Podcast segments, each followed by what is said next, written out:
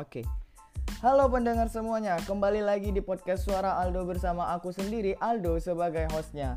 Tapi sebelum aku masuk ke podcast kali ini, aku mau berterima kasih kepada kamu semua para pendengar atas respon yang cukup positif terhadap podcast aku. Thank you so much for that. Jadi di podcast kali ini aku akan membahas sebuah fenomena yang belakangan ini sangat diminati oleh beberapa kalangan pemuda Ya, bagaimana tidak diminati? Fenomena ini bisa dibilang memberi wawasan baru dan penghasilan tambahan bagi orang yang mau untuk melakukannya. Ya, kayaknya agak berat sih topiknya. So, here's my voice on my podcast, Bisnis di Usia Muda. Bisnis di usia muda, seperti yang aku jelaskan sebelumnya, memperbolehkan orang yang mau melakukannya untuk mendapat wawasan baru dan penghasilan tambahan. Ada banyak sekali alasan kenapa para pemuda mau untuk melakukannya. Ada yang melakukannya karena memang lagi butuh uang. Dalam hal ini mungkin karena kondisi yang memaksanya untuk harus memulai bisnis di usia muda. Dan ada juga yang melakukannya karena memang ingin melakukannya tanpa ada pressure apa pun. Ya ya ya ya cuman sekedar pengen ngelakuinnya aja.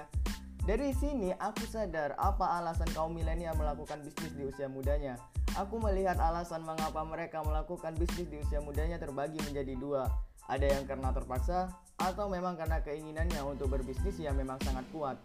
Sebagai disclaimer dalam podcast kali ini, aku mau bilang pada kamu semua bahwasanya aku di sini cuma sharing pandanganku terhadap fenomena ini. Aku sama sekali nggak merasa bahwasanya aku ahli dalam bidang ini. I'm just sharing my ideas into my podcast, alright? Mungkin nantinya aku akan mengundang seorang tamu yang bisa dibilang masih muda untuk menceritakan pengalaman berbisnisnya ya siapa tahu dia mau membagi tips and triknya dalam berbisnis kan di usia muda ya lumayan lah buat kita balik lagi Menurutku berbisnis di usia muda adalah sebuah pilihan. Kita boleh menerima pilihan itu ataupun menolak pilihan itu. Bagi aku sendiri, memulai berbisnis di usia muda itu nggak wajib. Tetapi untuk belajar berbisnis di usia muda bagi aku itu adalah sebuah kewajiban. Kamu boleh menentukan kapan kamu akan memulai bisnismu, tapi untuk belajar bisnis aku harap kamu tidak menunda waktumu untuk mempelajarinya. Ingat, memulai dan belajar bisnis itu beda. Memulai artinya kamu terjun dan langsung melakukan praktek transaksi bisnismu. Sedangkan belajar bisnis tidak mengharuskanmu untuk terjun langsung ke bisnis yang kamu ingin mulai. Memang ada beberapa orang yang memulai bisnisnya sambil belajar menjalankannya. Tapi bagi aku sendiri, cara ini terlalu riskan atau beresiko untuk dilakukan. Dulu aku pernah menggunakan metode ini tanpa belajar dulu tentang bisnis. Aku memulai bisnis kecil-kecilan ketika SMP dengan jualan pulsa karena aku gak punya basic dalam melayani pelanggan, nagih tagihan dan lain sebagainya.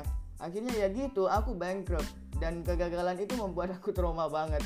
Aku kehilangan uang yang bisa dibilang tidak sedikit untuk ukuran anak SMP. Ya, ya That's why aku lebih suka untuk mempelajari terlebih dahulu semuanya, baru aku mempraktekannya. Alasan kenapa aku mengatakan kamu jangan menunda waktu untuk belajar bisnis adalah kamu nggak tahu seberapa perlu kamu akan hal itu. Bisnis itu perlu proses untuk melakukannya dan dipraktekkan dan diprakteknya pun mungkin kamu akan menemukan berbagai kesalahan-kesalahan. Fungsi dari belajar ini adalah ya untuk meminimalisir kesalahan-kesalahan tersebut agar tidak terjadi saat kamu menjalankan bisnismu ya setidaknya kamu terspoiler lah tentang rutenya yang bakal kamu jalanin itu sehingga jika ada problematik dalam bisnismu ketika kamu jalanin bisnismu itu kamu nggak bingung lagi harus ngapain karena kamu punya basic akan hal itu Bisnis berbeda dengan nonton film yang mana ketika kamu di spoiler, mungkin filmnya akan terasa kurang menarik. But in circle of business, ketika kamu di spoiler oleh orang, kamu mungkin akan berterima kasih meskipun berterima kasihnya nanti setelah kamu dapat masalah. Kamu nggak perlu mengulangi kesalahan yang sama yang pernah dilakukan oleh orang lain. Belajar dari kesalahan itu, coba tanyakan kenapa itu bisa terjadi dan bagaimana orang tersebut menanganinya. Oke, okay? just that my voice about business di usia muda. Aldo, and see you later.